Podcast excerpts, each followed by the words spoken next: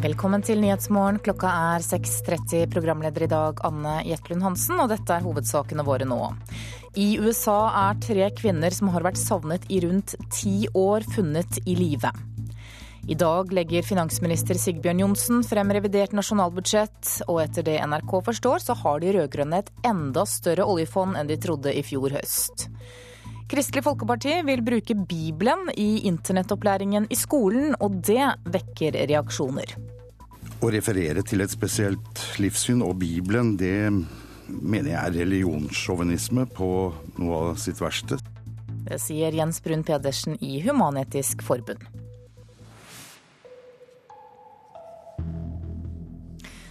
Aller først denne halvtimen skal vi til USA, for tre kvinner som har vært savnet i om lag ti år, er funnet i live i et hus i Cleveland i Ohio i USA.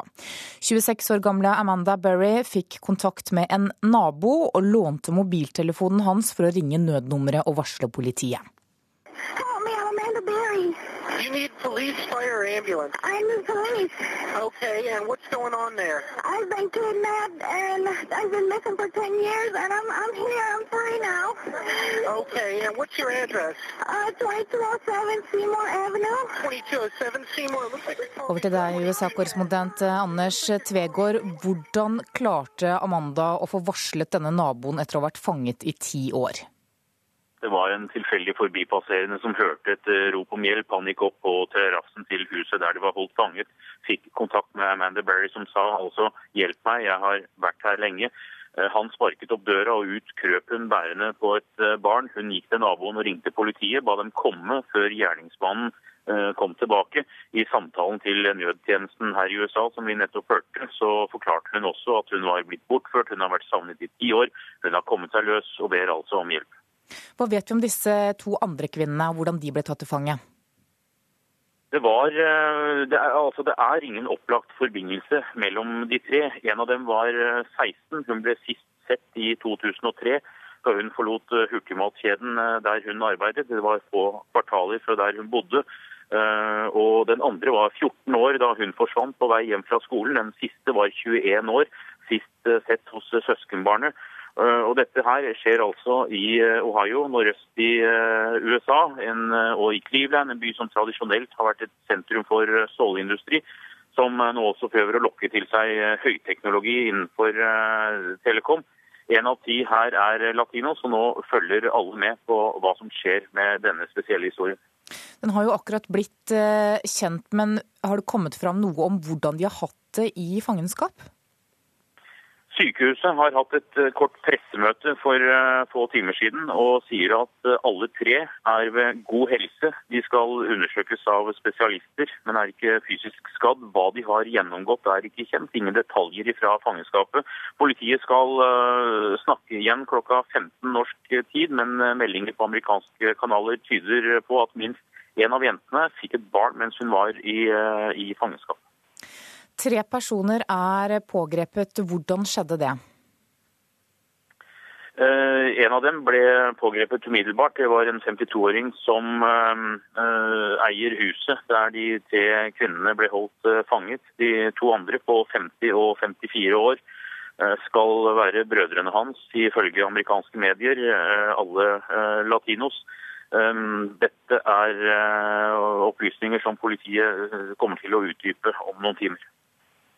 Hvor stor oppmerksomhet får denne saken eh, i USA nå? Ja, Dette ble kjent rundt klokka to i natt norsk tid, og amerikanske kanaler har jo ryddet eh, sendeskjemaene for denne oppsiktsvekkende historien. Dette kan minne om Josef Fitzel eller Natasha Kampusch, vi husker fra Østerrike, men her i USA så er dette helt nytt eh, de siste åra. Det handler altså om tre kvinner som forsvant med ett års mellomrom, alle funnet i samme hus i live. Dette er noe som eh, mildt sagt får stor oppmerksomhet her nå. Takk skal du ha, USA-korrespondent Anders Tvegård. Norsk økonomi går svært godt, og i dag legger finansminister Sigbjørn Johnsen frem revidert nasjonalbudsjett. Etter det NRK forstår, så har de rød-grønne et enda større oljefond enn de trodde i fjor høst, og dermed bruker de mindre av oljeformuen enn planlagt. Vi tok litt bris i dag, ja. Bra, det. Finansministeren fikk et glass bris før han serverte varsel om penvær for norsk økonomi i fjor høst. Nå ser det enda lysere ut enn da statsbudsjettet ble lagt frem. Da tror jeg at vi etter hvert eh, samles for pressekonferansen om eh, statsbudsjettet for eh, 20, 2013.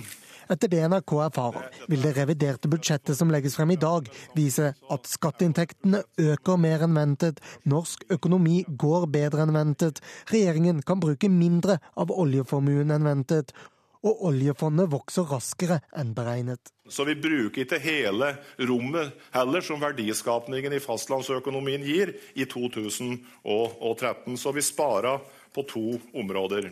Og det vil være beskjeden i dag også. Det sa reporter Lars Nehru Sand.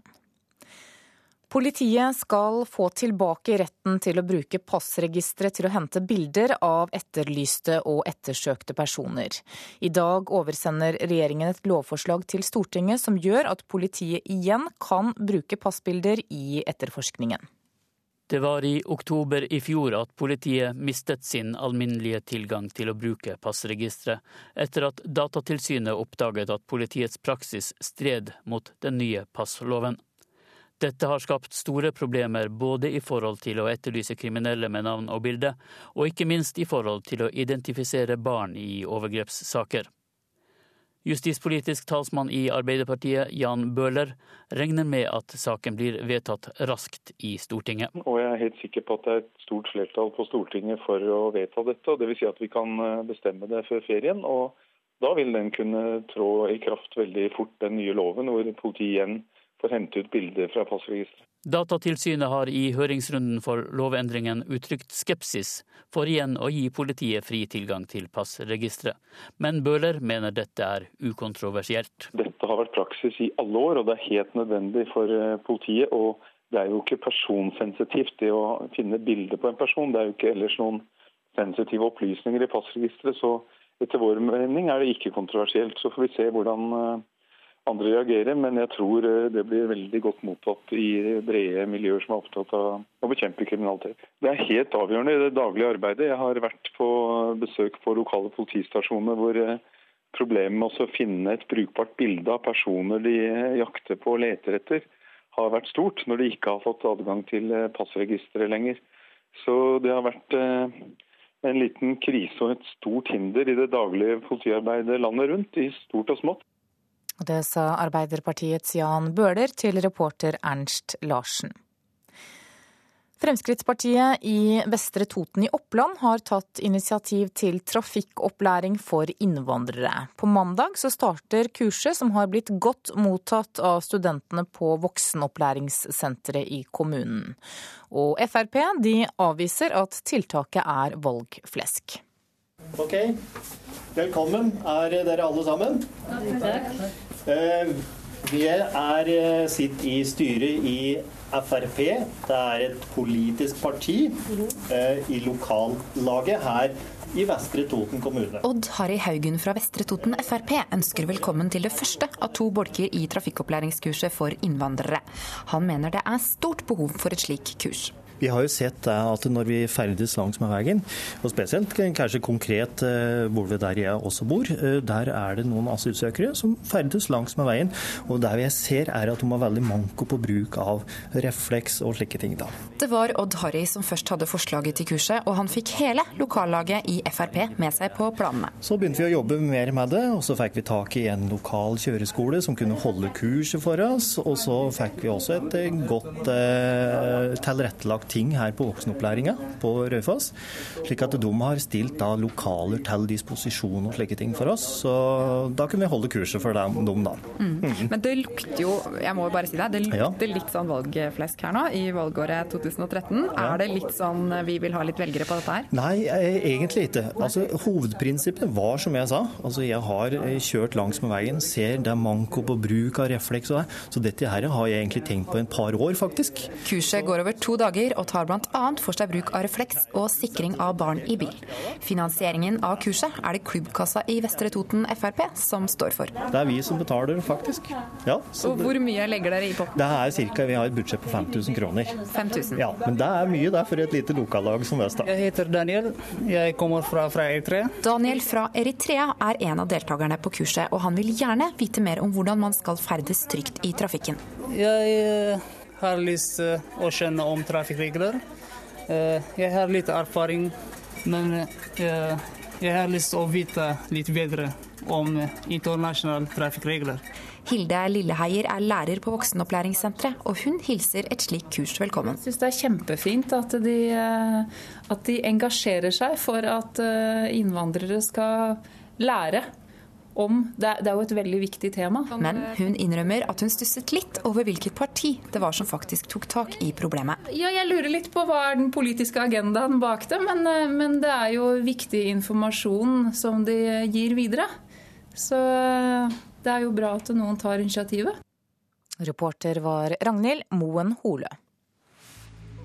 Da skal vi ta en kikk på dagens aviser og se hva de har på forsidene sine. Hvert år dør 300 000 mennesker i barsel, skriver Aftenposten. Samtidig mister tre millioner nyfødte livet. Kvinnelig storeslem er overskriften i Dagsavisen. I går ble Gerd Kristiansen valgt til ny LO-leder. Motparten NHO styres av Kristin Skogen Lund, og etter valget i september kan resten av maktposisjonene i norsk politikk være besatt av kvinner.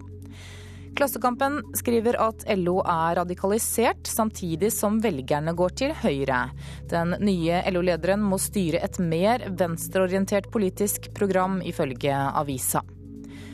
Bergensavisen forteller om 65 år gamle John Kane, som sier han ble slått bevisstløs av politiet da han reagerte på det han mente var uvettig kjøring av en bil fra utrykningspolitiet. Han har anmeldt politiet til Spesialenheten, mens politiet har anmeldt Kane for uaktsom kjøring. Stavanger Aftenblad skriver at nesten alle barn i de store byene er i barnehagen på full tid. 94 dager som kan felle Rune Øygard, er overskriften til Dagbladet. Politiet har funnet bevis for at Øygard og jenta han er tiltalt for å ha forgrepet seg på, har hatt kontakt over 4000 ganger på telefonen i løpet av tre måneder i 2011. Adresseavisen skriver at 19 år gamle Joakim Aune er vraket fra Trønderhopps elitelag. Årsaken er at han ble avbildet i avisa uten sponsornavn på dressen sin. Vårt Land forteller at forfatter Jo Nesbø angrer på brutale scener i bøkene sine. Flere etablerte forfattere mener at det er for mye grotesk vold i dagens krimbøker. Fikk luksusvilla på billigsalg, er oppslaget i Dagens Næringsliv. Gründer Ståle Kyllingstads selskap IKM Invest kjøper Akta-gründer Fred Ingebrigtsens giganteiendom i Marbella for 40 millioner kroner. Eiendommen er verdsatt til 125 millioner. Bergens Tidende forteller at ordfører Trude Drevland har startet et nytt og sunnere liv, og håper å unngå hjerteproblemene som rammet faren og søsteren hennes. Ordføreren er én av åtte i avisas prosjekt Bergens slappeste.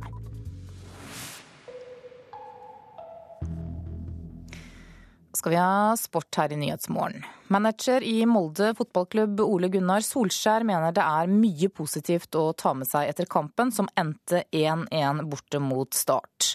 Selv om laget nå ligger på sisteplass på tabellen, så var Solskjær fornøyd etter kampen i går. Vi kan ikke tenke annet enn at vi, vi må begynne å ta poeng, selvfølgelig. 1-1 mot Start i Kristiansand, dermed fortsatt uten seier på sju forsøk for Molde. Manager Ole Gunnar Solskjær håper et skikkelig fylkesdarby senere denne uka er det som skal endre på det. Nå har vi hjemmekamp på, på torsdag. Det kommer til å bli full brakke, forhåpentligvis. Ålesund lokaloppgjør, og da, da er guttene klare til det. Er det ekstra tenning i mannskapet før et lokalderby mot Ålesund? Alltid spesielle kamper mot Ålesund, selvfølgelig er det. Det er det, er det og, Rosenborg. Eh, så, så, er det full, eh, full stadion. og vi, vi, håper på at de eh, kommer i, i, i mange tall, si, og sånn at vi får støtten til gutta. For de, de fortjener det etter den innsatsen i dag òg. Reporter var Håvard Raustøl. Du hører på Nyhetsmorgen i NRK P2 og Alltid nyheter. Klokka er 6.45, og dette er hovedsaker i nyhetene i dag. Tre kvinner som har vært savnet i rundt ti år, er funnet i live i et hus i Cleveland i USA. Det ser enda lysere ut for norsk økonomi enn da statsbudsjettet ble lagt frem. I dag legger finansministeren frem det reviderte budsjettet. Og i dag så lander boybandet One Direction i Norge.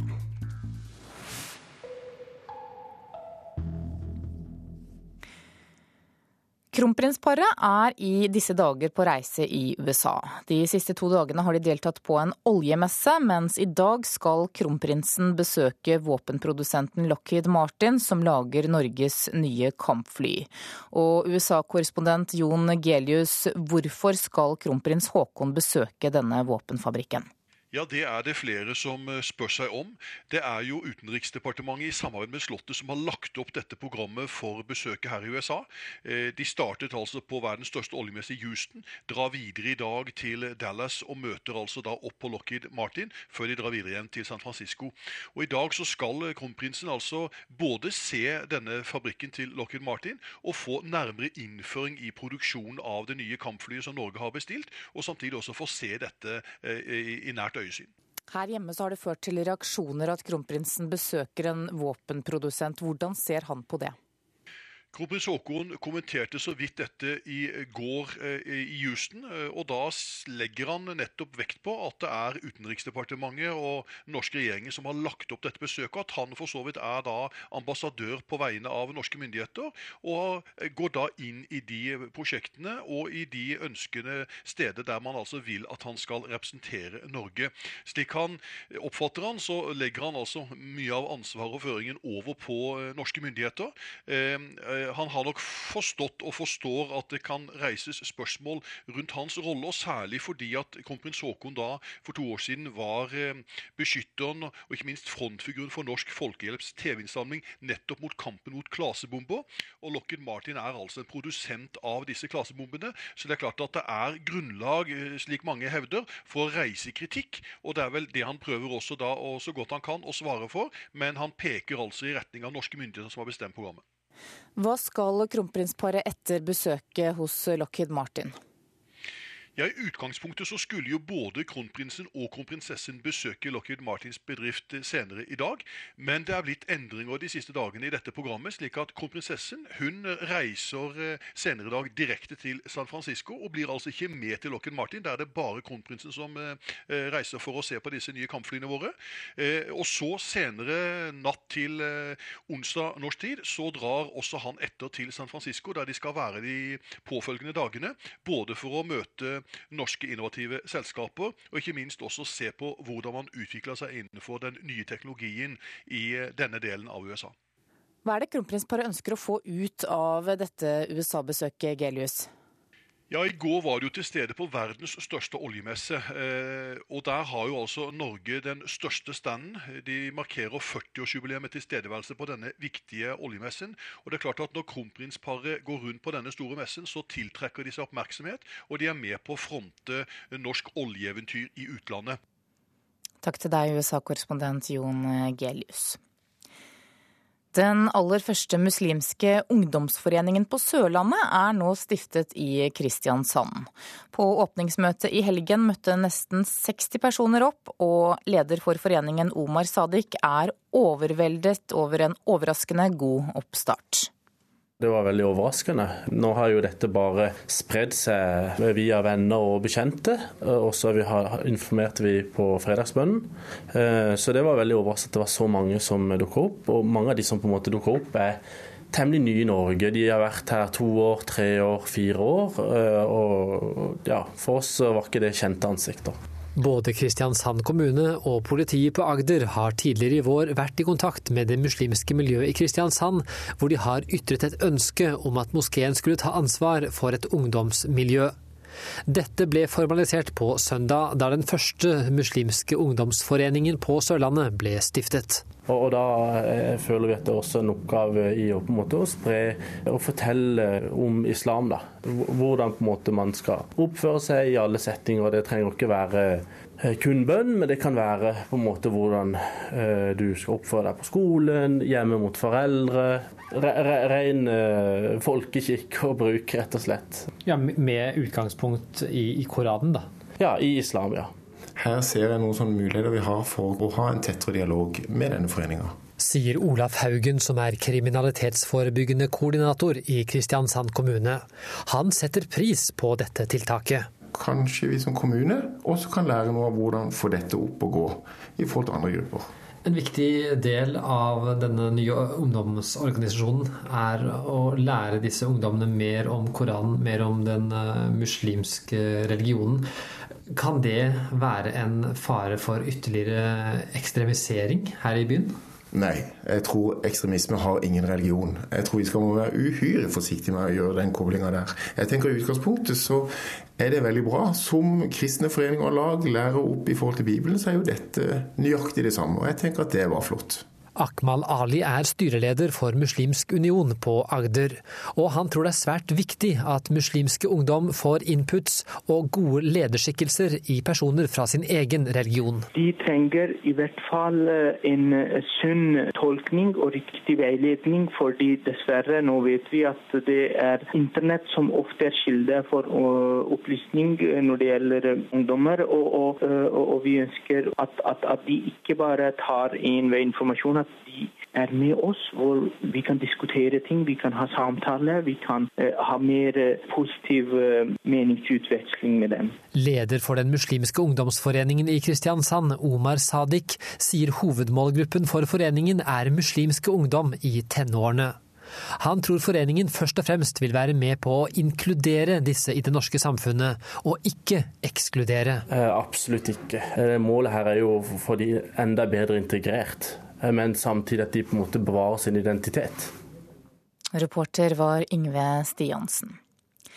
Kristelig Folkeparti vil bruke Bibelen i internettopplæringen i skolen. Det sjuende bud, du skal ikke stjele, skal bidra til å hindre ulovlig nedlasting av musikk og film.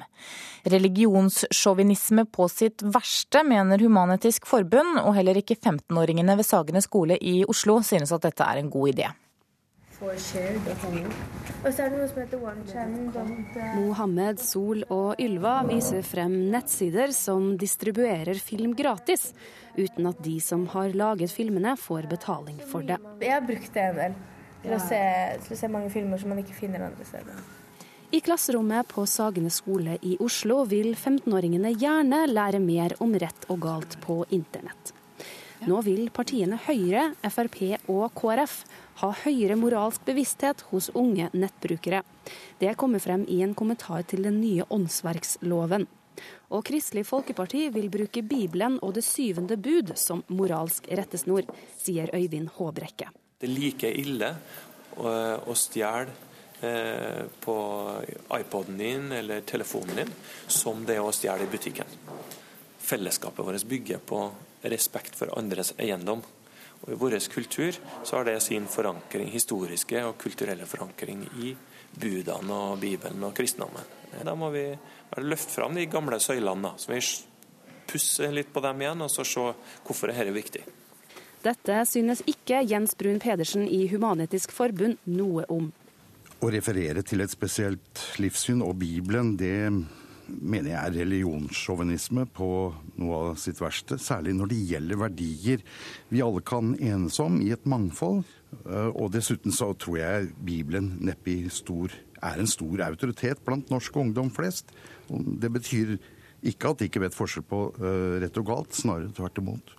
Kunnskapsdepartementet hadde ikke anledning til å kommentere saken, men SVs Ranveig Kvifte Andresen mener barn og unge trenger en høyere moralsk bevissthet, men at flere livssyn kan brukes i internettopplæringen. Og det kan man godt ha som en del av den etiske opplæringa, men også som religionsopplæring. Ikke nødvendigvis utelukkende til de ti bud. På Sagene skole vil elevene holde Bibelen utenfor. Eh, uansett hvilken kultur du har, så har det grunnleggende verdier, sånn at du ikke skal stjele og sånn i den kulturen. Elevene tror ikke holdningsskapende arbeid er nok for å bli kvitt ulovlig nedlastning av musikk og film. Jeg tenker um, kanskje en bot, uh, en, en, at man må betale noe. Uh, det er det vanligste nå. Um, for da tenker jeg også at penger er jo veldig mye i, i verden og i livene til folk. Eller, ja, og det, om man må betale noe, så det, det, man får jo en støkk. Reporter var Eirin Venås Sivertsen. I kveld så spiller gruppa One Direction i Norge. Boybandet ble nummer tre i britiske X-Faktor i 2010, og ble raskt en favoritt blant mange tenåringsjenter.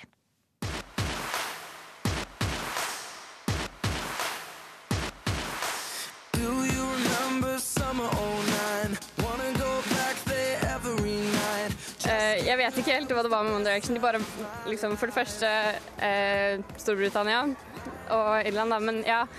Um, og de bare De er så sjarmerende, og så er det fem av de på en måte. 15-åringene Agnes Sten Eckersberg og Vilde Påske er venninner og fans av boybandet One Direction. I want you to rock me.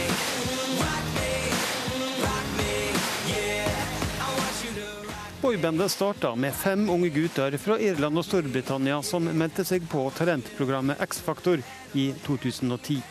Der ble de sett sammen til et band som endte på tredjeplass, men oppnådde likevel stor suksess.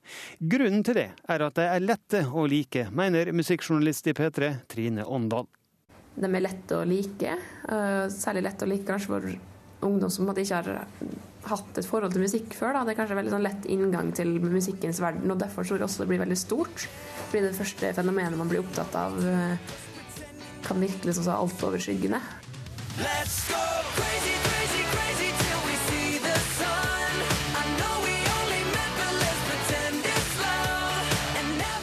For de som vil følge med på hva One Direction gjør, kan de følge guttene på både sosiale medier, gjennom en videoblogg og i tradisjonelle medier som aviser og blad.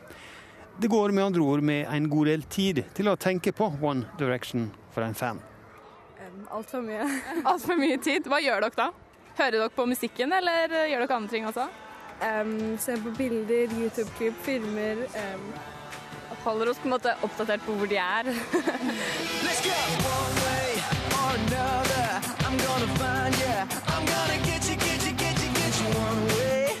I kveld er det duka for konsert på Telenor Arena på Fornebu. Men Agnes Sten Eckersberg er usikker på hvordan hun kommer til å reagere når hun får se heltene sine live. Jeg vet ikke, jeg tror jeg kommer til å skjelve, og det blir nok en del skriking også, men eh, ja, jeg vet ikke helt. Jeg gruer meg nesten, fordi jeg vet ikke helt hvordan det kommer til å reagere.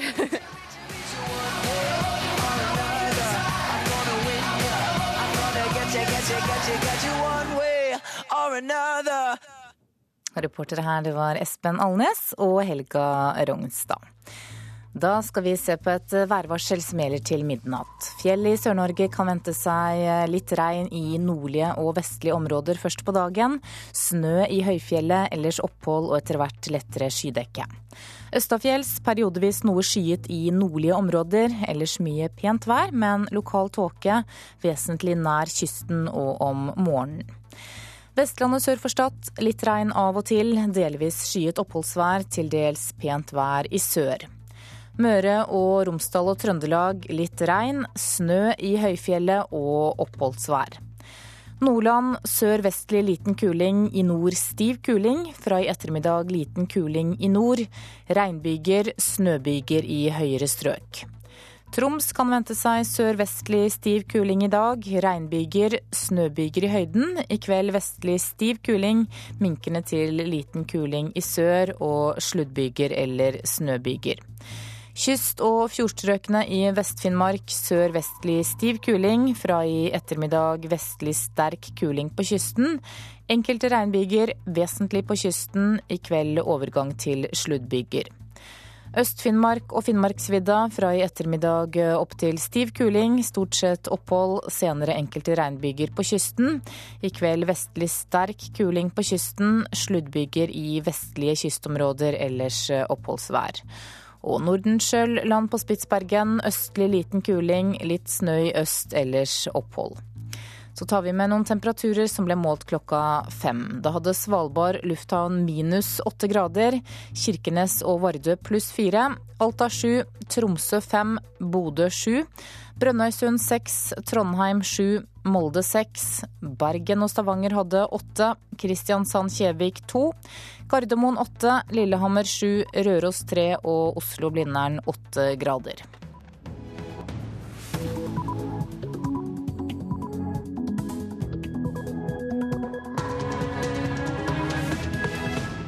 Klokka er sju. Du lytter til Nyhetsmorgen med Anne Jetlund Hansen i studio. Her er en nyhetsoppdatering. Regjeringen vil innføre forbud mot å tigge på visse steder og til visse tider. Høyre er mer enn kritisk. Dette er noe som ikke kommer til å fungere. Politiet har avverget flere alvorlige voldsepisoder med fotballpøbler de siste månedene. På Lillestrøm har politiet hatt trøbbel med fotballpøbler på omtrent hver eneste hjemmekamp. Hvis det er 20-30 supportere på hver side som barker sammen, så har du jo alt fra blåveis til død. Sier Ola Moheim i politiet i Oslo. I USA er tre kvinner som har vært savnet i rundt ti år, funnet i live. Tre menn er pågrepet. I natt fikk Amanda Berry låne mobiltelefonen til en nabo og ringte nødnummeret. You need police, fire, or ambulance? I'm the police. Okay, and what's going on there? I've been kidnapped and I've been missing for 10 years and I'm, I'm here, I'm free now. Opprørerne i Syria avviser at de har brukt kjemiske våpen. Vi kan ikke ha brukt slike våpen fordi vi ikke har spesialutstyret som skal til for å bruke dem, sier en høytstående offiser til NRK. Du trenger spesialutstyr for å bringe disse våpnene til målet. Langtrekkende artilleri eller raketter. Det har ikke opprørerne, forteller Gazalla. Flere ungdommer har fått bøter og prikker på førerkortet etter å ha blitt stoppet i mopedkontroller. Regjeringen foreslår i dag tiltak som skal begrense den stadig økende tiggingen i Norge. Til visse tider og steder så skal tigging kunne forbys, men noe totalforbud sier regjeringen nei til. Vi eh, foreslår å gi eh, kommunene anledning til eh, å både etablere en meldeplikt og nye forbud om tigging til bestemte tider og steder. Det sier justis- og beredskapsminister Grete Faremo. I dag legger regjeringen frem sitt forslag mot tigging. Der kommer det bl.a. frem at de vil bruke ti millioner kroner til å sette opp dusj og toaletter. I tillegg ønsker ikke regjeringen noen totalforbud mot tigging. Vi tror det ville måtte håndheves så konsekvent til enhver tid over hele landet eh, at eh, det ble spørsmål om det var rett prioritering av politiets ressurser. Er det riktig rett og slett å bruke vårt politi til å løpe etter tiggerne med det ressurspådraget det gir?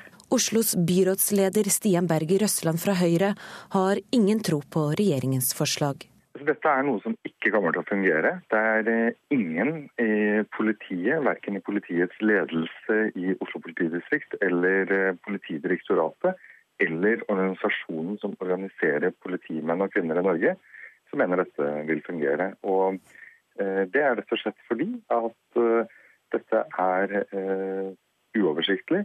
Det er upraktikabelt for de som skal stå i det.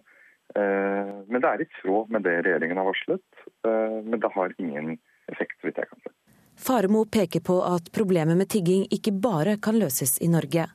Hun sier tiltakene de nå setter i verk må settes i sammenheng med den støtten Norge også gir for å bedre folks kår i hjemlandet. Jeg er veldig opptatt av at vi her står overfor fattigdom og sosial nød som først og fremst må finne sine løsninger i eh, hjemlandet. Og eh, at eh, vi derfor må også se dette inn i sammenheng med internasjonale tiltak for å bistå myndighetene, enten det er i Romania eller andre land. Reporter, det var eh, Guri Nordstrøm. Over til deg, politisk kommentator her i NRK, Magnus Takvam. Vi hører at eh, f.eks. Oslo kommune ikke var så spesielt imponert over de tiltakene regjeringen har eh, foreslått. Kommer det til å bli mye debatt rundt dette her nå? Ja, det er klart, Dette er et tema som, som kommer til å fortsette å være i eh, oppmerksomheten, særlig kanskje i, i Oslo og de store byene. Det regjeringen polemiserer tilbake med i forhold til eh, det eh, Oslo-politikerne sier, er at eh, mens da Høyre f.eks. har gått inn for et tiggeforbud totalt og mener det er umulig å administrere et et uh, opplegg der man har lov å tigge bare i bestemte soner og til bestemte tider osv., så, videre, så svarer regjeringen med at vel, uh, de andre samarbeidspartiene til Høyre i Oslo uh, er ikke enig i det, så de har heller ikke klart å finne en felles politikk. Men slik vil debatten fortsette, tror jeg. Du, dette vi hørte om her er jo en liten del av revidert nasjonalbudsjett som legges frem i dag. Hva er hovedgrepene der? Det har vi selvfølgelig ikke full oversikt over. Og revidert nasjonalbudsjett er jo ikke et nytt statsbudsjett, men er en eh, justering av det, eh, det budsjettet som allerede løper, der man eh, justerer for økonomiske konjunkturer osv. Og, så og gjør små grep vanligvis. Det som er tilfellet nå, er, som vi har hørt litt tidligere i nyhetssendingene, at regjeringen har litt flaks i den forstand at eh, konjunkturene er på regjeringens side. Man får litt større skatteinntekter, litt mer oljeinntekter og litt færre utgifter enn det som lå i det opprinnelige budsjettet. Og dette handlingsrommet gjør man da eh, noe med. Man bruker det til en eh, lang rekke enkelttiltak eh, med byggeprosjekter, museer, IKT-satsing eh, osv. Som nesten alle også er lekket i avisene. Så eh, det blir en del eh, handlingsrom som man bruker relativt planmessig rundt omkring i hele Norge i dette budsjettet. I går så ble det kjent at kommunene får en vekst neste år på eh, mellom 6 og 6,5 milliarder kroner. Kommer kommunene til å være fornøyd med det i et valgår? Det tror jeg vil være veldig ulikt ut fra hvordan de, de, ulike kommunene har det i utgangspunktet. Men de jeg har snakket med i interesseorganisasjon for kommunene på forhånd, sånn uh, i det store bildet, sier at det, det, som kommer, er omtrent det de har forventet. Uh, slik at det kommer ikke noe, noe, noe nødrop fra kommunene i forhold til uh, kommuneopplegget neste år, som jo dette er snakk om. Det er klart at Den befolkningsveksten vi opplever i store deler av landet, er det som presser Eh, tjenestene i kommunene, både når det gjelder skole, barnehager og andre ting som koster mye penger. Men det, det, det kan, budsjettet er godt nok til å føre videre omtrent det nivået man har i dag, blir det sagt. Hvor mye valgkamp er det i eh, dette reviderte budsjettet? Ja, Det er selvfølgelig øh, konstruert i forhold til valgkamp. Det er alt regjeringen foretar seg Eh, i øyeblikket. De store grepene har vi jo ikke nevnt. De har jo blitt presentert fra før, nemlig tiltak som skal prøve å bidra til å dempe eh, farten i oljeøkonomien, så å si. Denne todelingen av norsk økonomi som alle er redd for. Tiltakene i forhold til fastlandsindustrien med skattelette, selskapsskatt osv. Litt innstramming på oljeskatten, og også denne pakken for treforedlingsindustrien som ble presentert med nye fraktveier osv. for å gjøre det lettere for, for, en presset næring. Det er liksom, Overskriften er den norske økonomien som er i ferd med å dele seg i to, som på en måte er utfordringen, og som regjeringen vil vise handlekraft i forhold til. Takk skal du ha, politisk kommentator i NRK Magnus Takvam. Og det reviderte budsjettet blir også lagt frem senere i dag. Politiet har avverget flere alvorlige voldsepisoder med fotballpøbler, eller såkalte casuals, de siste månedene. Annet i Kristiansand, Bergen, Oslo og Lillestrøm har politiet måttet bekjempe voldelige fotballsupportere som har forsøkt å lage bråk. Flere steder i landet er politiet nå bekymret. I Lillestrøm har politiet hatt trøbbel med fotballpøbler på omtrent hver eneste hjemmekamp. Det blir brått dårlig stemning på puben i Lillestrøm sentrum når en ung mann får beskjed fra politiet om at han er nekta inngang på hjemmekampen mot Start pga. bråk han sto bak forrige hjemmekamp. Det er tredje gang på halvannen time at politiet er innom. De forsøker å forhindre at det skal bli noe bråk i løpet av ettermiddagen. Ola Moheim i Oslo-politiet jobber med casuals-miljøet rundt Vålerenga i det daglige, og har sett alvorlige eksempler i løpet av årets bare sju serierunder. Ja, jeg hadde jo den mest alvorlige episoden som, som våre har vært involvert i i år, er vel nær Kristiansand, når eh, risikosupportere fra start stormer en pub med, med Vålerenga-supportere.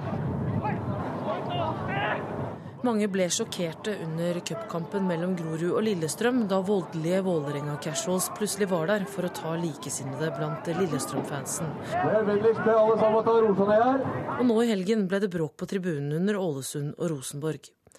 NRK vet om minst fire andre episoder hvor alvorlige sammenstøt enten ble avverget av politiet eller fikk mindre konsekvenser enn de kunne ha fått bl.a. i forbindelse med kampene Brann Vålerenga, Lillestrøm Viking, Lillestrøm Brann og Start Vålerenga. Ola Moheim frykter at det kan gå galt. Hvis det er 20-30 supportere på hver side som barker sammen, så har du jo alt fra blåveis til død. Det er jo det spekteret du har. I Lillestrøm har det så langt i år vært uro eller tilløp til bråk av casuals-miljøet, samtidig med alle deres hjemmekamper. Politioverbetjent Ola Lystad sier de har hatt nok å gjøre. Det er eh, noen kamper som på en måte er med på å eskalere det, og så får vi da problemene da, kan du si, som en følge. Og dette er vi jo oppmerksomme på. Kjell Hulby i Lillestrøm sportsklubb har lite til overs for denne grupperingen. Altså Supporterne blir jo irriterte, for ofte så blir miljøet Da blir det liksom skissert som at det er et problem for Lillestrøm eller for Kanarifansen eller for Lillestrøm sportsklubb og sånn, og så er det et, et problem som oppstår uh, utafor stadion, ikke, som, og da ikke i tilknytning verken til LSK eller Kanarifansen. Reporter det var Ellen Borge Christoffersen. Over til deg, journalist i NRK P3 Ludvig Løkholm Levin. Du har laget en dokumentar hvor du har sett nærmere på dette miljøet. Og hvem er disse fotballpøblene? Ja, det er jo ikke godt å si, da. Men uh, altså, For jeg ble ikke spesielt godt kjent med dem. For jeg ble trua med bank ganske tidlig når jeg prøvde å prate med dem. Hvorfor det? Uh, nei, altså de liker jo ikke journalister politi og journalister er ikke særlig populært i det miljøet der. Men de, de som har forska på det, han Ola, han politimannen der, han tror jeg er veldig klok, og han kjenner det veldig godt. Og han sier at de er et utsnitt av befolkningen. Altså Han sier at det er folk som jobber i barnehage, det er folk som er sykepleiere, lærere. Om det er det, det veit ikke jeg, men hvis han sier det, så er det sikkert sånn. Men du, hvorfor lager de bråk? Nei, altså Det er jo noe man ser over hele verden. da. Altså I tilknytning til fotball så er det noen få som liker å se på fotball og slåss før og etterpå. Så nei, jeg vet ikke. Det er kanskje noe som ligger i noen folk, da.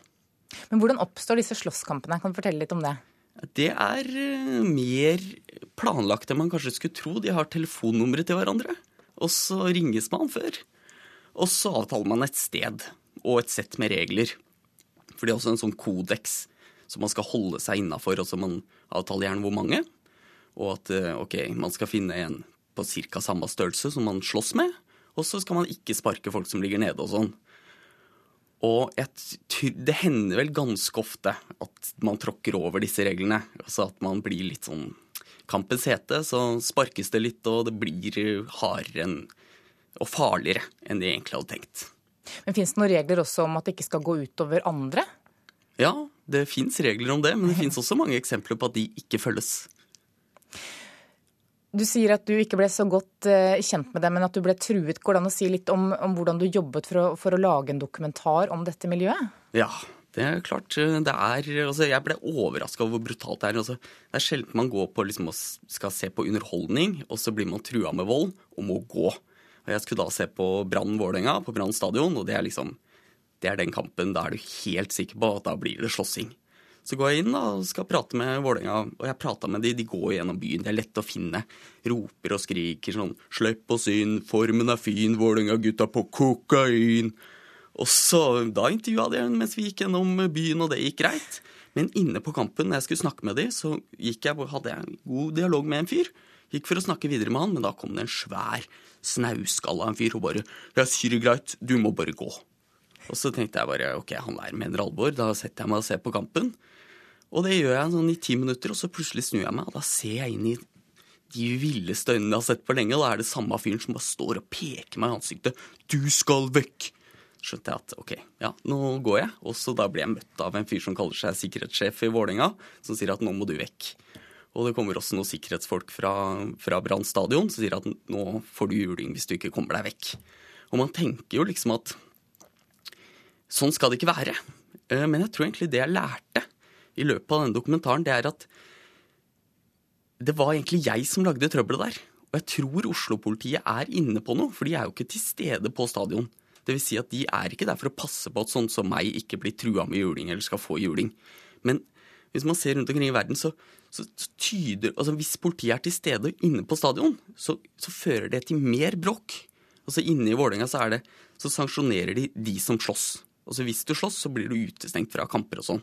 Men til og fra stadion så fotfølger politiet de, og de kjenner de kjempegodt. Takk for at du kom til Nyhetsmorgen, journalist Ludvig Løkholm Levin, som altså har laget en dokumentar om fotballpøbler. Klokka er 7.15. Du hører på Nyhetsmorgen i NRK P2, og dette er hovedsaker i dag. Regjeringen vil innføre forbud mot tigging på visse tidspunkter og på visse steder. Voldelige fotballsupportere er på offensiven og har yppet til bråk flere steder den siste tiden. Opprørerne i Syria avviser at de har brukt nervegass som våpen mot regimet.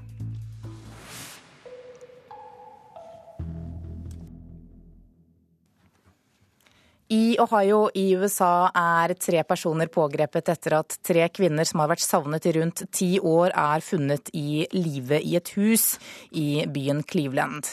Kvinnene skal ha blitt oppdaget av en nabo som hørte bråk inne fra huset. De er sendt til sykehus, og der skal de undersøkes av spesialister, rapporterer USA-korrespondent Anders Tvegård. Hva de har gjennomgått er ikke kjent, og ingen detaljer fra fangenskapet er eh, heller blitt eh, offentlig. Politiet vil eh, snakke klokka 15 norsk tid, men meldinger på amerikanske kanaler tyder på at minst en av jentene fikk et barn mens hun var i fangenskap. Hva vet en nå om den eller de som sto bak dette?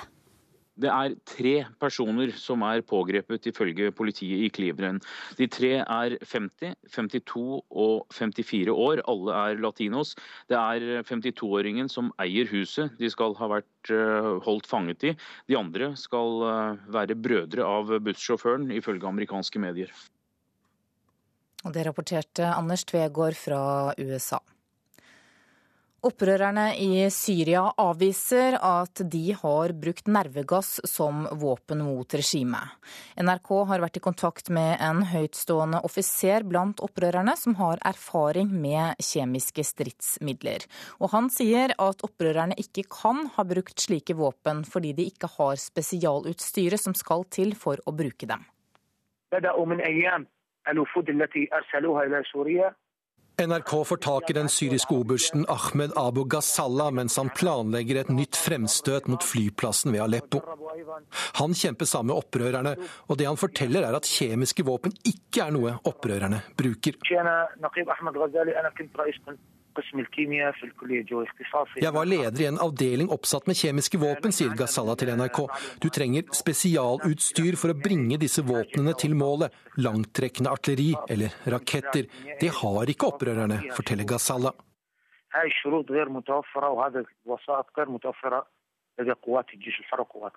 Det var søndag at en FN-komité meldte at kjemiske våpen sannsynligvis var tatt i bruk av opprørerne i Syria. Det skulle være nervegassen sarin, som det er antatt at syriske myndigheter hadde før konflikten startet, og som opprørerne kunne ha fått tak i. Oberst Ghazala avviser at opprørerne har tilgang til dette. Det er totalt feil og uriktig. For å ta dette vitenskapelig har jeg studert og jobbet med dette i 13 år for regimet, opplyser Ghazala.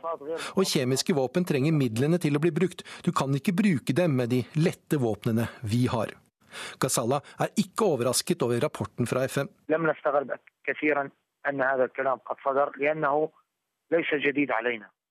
Jeg og folkene rundt meg er blitt vant til at det kommer negative ting fra FN og Den arabiske liga, sier obersten. Det er ikke noe nytt. Vi blir stadig anklaget. Denne gangen var det om bruk av kjemiske våpen. Forrige gang var det om ekstreme islamister. Rapporten vil kunne skade opprørernes kamp, mener Ghazala.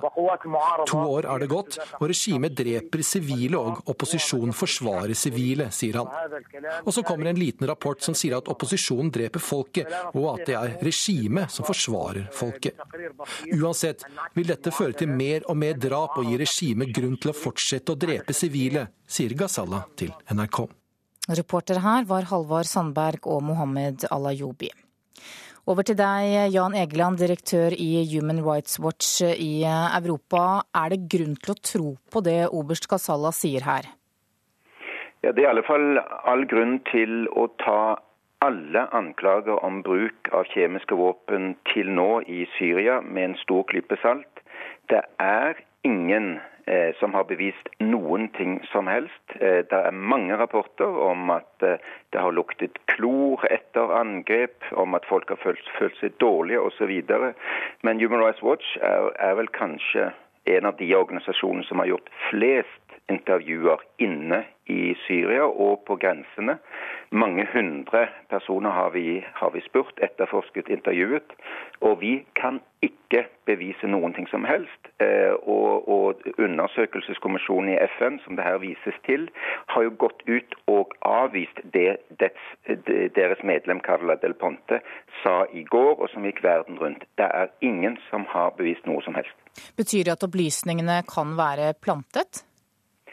Ja, Det er ingen tvil om at det er en masse rykter fra begge sider. Det er en propagandakrig på begge sider. Mange har, eh, eh har ført dette her fram til eh, Obamas eh, utsagn om at det er en rød linje nettopp for kjemiske våpen. Eh, jeg tror at det hele er, eh, er et sidespor. Både regimet og opposisjonen har, har, eh, begått enorme krigsforbrytelser, forbrytelser mot menneskeheten. Det er de grusomste ting som skjedde. Da jeg selv var i Aleppo, eh, så vi hvordan enorme ballistiske raketter var sendt fra regimets side mot sivilbefolkningen. Hele kvartaler var jevnt med jorden. De, de var fulle av sivile. Det er, det er, mer enn nok det som foregår, til at man ikke også trenger å komme med mer eller mindre løse anklager om kjemiske våpen.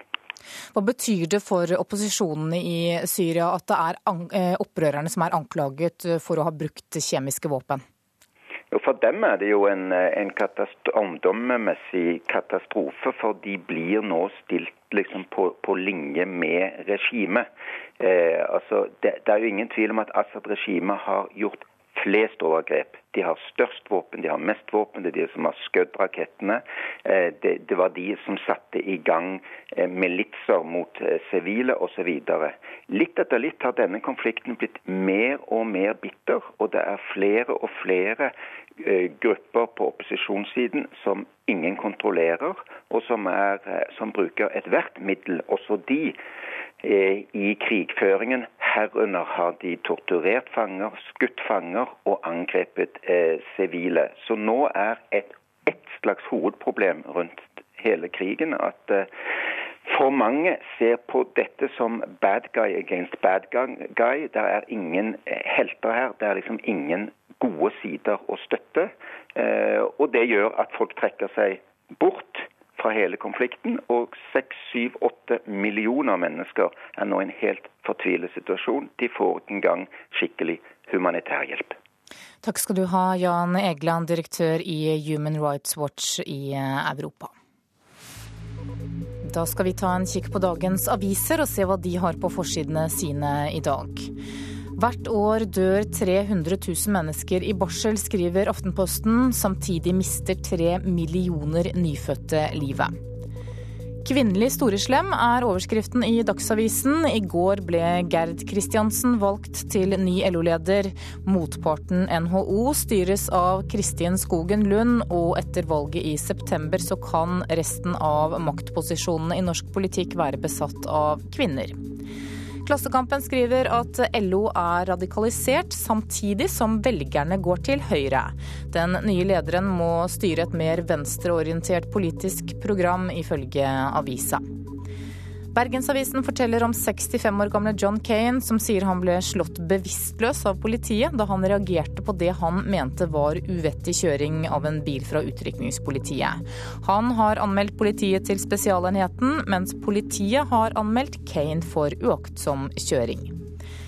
Stavanger Aftenblad skriver at nesten alle barn i de store byene er i barnehagen på full tid. 94 dager som kan felle Øygard, er overskriften i Dagbladet. Politiet har funnet bevis for at Øygard og jenta han er tiltalt for å ha forgrepet seg på, har hatt kontakt over 4000 ganger på telefonen i løpet av tre måneder i 2011.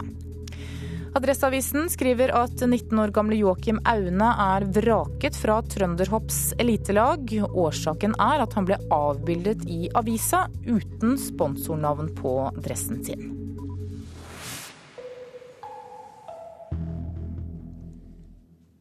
I disse dager gjennomfører politiet og Vegvesenet mopedkontroller blant eh, ungdom. Politiet er ute for å sjekke om mopedene er trimmet. I går kom lovens lange arm uanmeldt til Åssiden videregående skole i Drammen, og det ble dyrt for eh, enkelte. Ja, denne, dette kjøretøyet må vi ta av kjennemerkene på, ja. Så nå skrur du av skiltene her? Ja. Det vi må nok dessverre gjøre på den måten der, ja. Da er det eneste måten er å skru det av.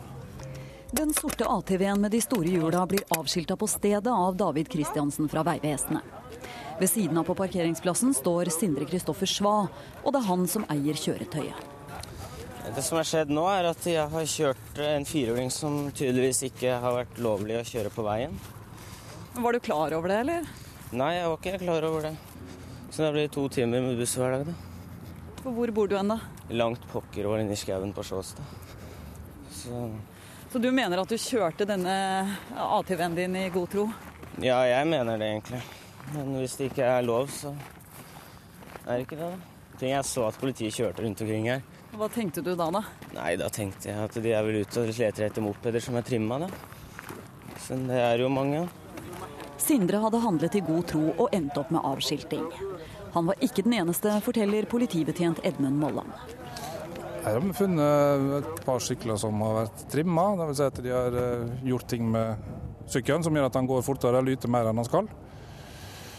Og de har blitt eh, avskilta. Men Hvordan reagerer eleven da, som er helt uforberedt på at det plutselig kommer en kontroll i skolegården? De har satt av som voksne folk. De vet jo hva de har gjort, stort sett.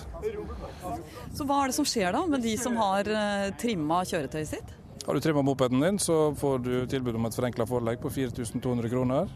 Tre prikker i førerkortet ditt, og så blir skiltet inndratt. Det er ganske dramatisk, da. Er, er de unge mopedførerne her klar over det? Ja, det er de klar over. Så hvordan er det de har reagert, da? De som, som har blitt avskilta i dag? Det var synd, men de visste at sjansen for å bli tatt var der. Den ene han sa at ja ja, jeg har kjørt to år, så det er verdt det. Ole Magnus Smith hadde trimma sykkelen sin sjøl, og det var han som syntes at det var verdt det. Han ble overraska av politiets kontroll utenfor skolen. Nei, Jeg sto parkert, da, og så kom jo politiet før jeg hadde fått fjerna sykkelen. Så da, da ble jeg tatt for trim. Men det er verdt det, syns jeg. Hvorfor er det verdt det, da? Fordi det er så mange farlige forbikjøringer som ble gjort. Jeg har blitt kjørt på å treffe i styret bl.a. mens jeg kjørte i 45 i en 80-sone av en bil. Så etter det så bestemte jeg meg for å ikke kjøre originalt lenger, og ikke lenger 45. Men uh, hvor mye hadde du trimma sykkelen din, da? Nok, holdt jeg på å si. Han gikk i litt over 100 km i timen i fjerdegiret. Og hva skjer med deg nå? Eh, ble avskilta for 4200 kroner i bot og tre prikker på førerkortet. Så det er jo en trafikksikkerhetsproblem. Så hvor alvorlig er det? Vi ser veldig alvorlig på det. Vi vil ikke ha flere skadde og drepte i trafikken. Tror du at ungdommene som ble avskilta her, har fått seg en lærepenge? Det tror jeg. Pluss at andre som har stått rundt, har sett at eh, det er faktisk en sjanse for å bli kontrollert og avskilta. Ja, så var det Ole Magnus, da. Har han lært noe av den sure svie? Du skal åtte prikker da, for å miste lappen, så det er fortsatt en del igjen å gå på. Kommer du til å trimme sykkelen noe mer nå? Nei, jeg selger den, og så kjøper jeg meg mellomtung MC. Det blir ikke noe mer trimming nå? Nei. Hold meg unna det. Det sa Ole Magnus Smith, som nå er 4000 kroner fattigere og tre prikker rikere. Reporter her, det var Karoline Bekkelund Hauge. Du lytter til Nyhetsmorgen. I Politisk kvarter om et kvarter så blir det debatt om regjeringens forslag for å få færre romfolk som tigger eller begår kriminalitet i Norge. Og dessuten kommer finansminister Sigbjørn Johnsen for å fortelle om det reviderte budsjettet. Produsent for Nyhetsmorgen i dag er Kari Bekken Larsen, og her i studio Anne Jetlund Hansen.